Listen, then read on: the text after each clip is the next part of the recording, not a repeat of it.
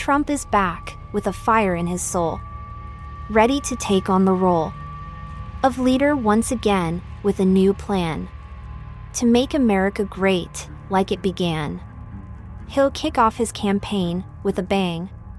In New Hampshire and South Carolina, he'll hang with his supporters and show them the way to make America greater every day. He'll unveil his team with a mighty roar and show the other candidates who's the leader of the core. He may have had a slow start, but now he's on a roll. With his message and vision, he'll take the ultimate goal. While others may come with their own agenda. Trump's the one with the support, like a true commander.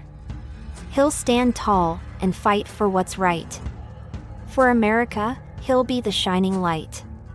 So let the campaign begin with a roar. Trump's back and ready to take on more. In 2024, he'll take his seat. As the leader of the free world, he'll be hard to beat.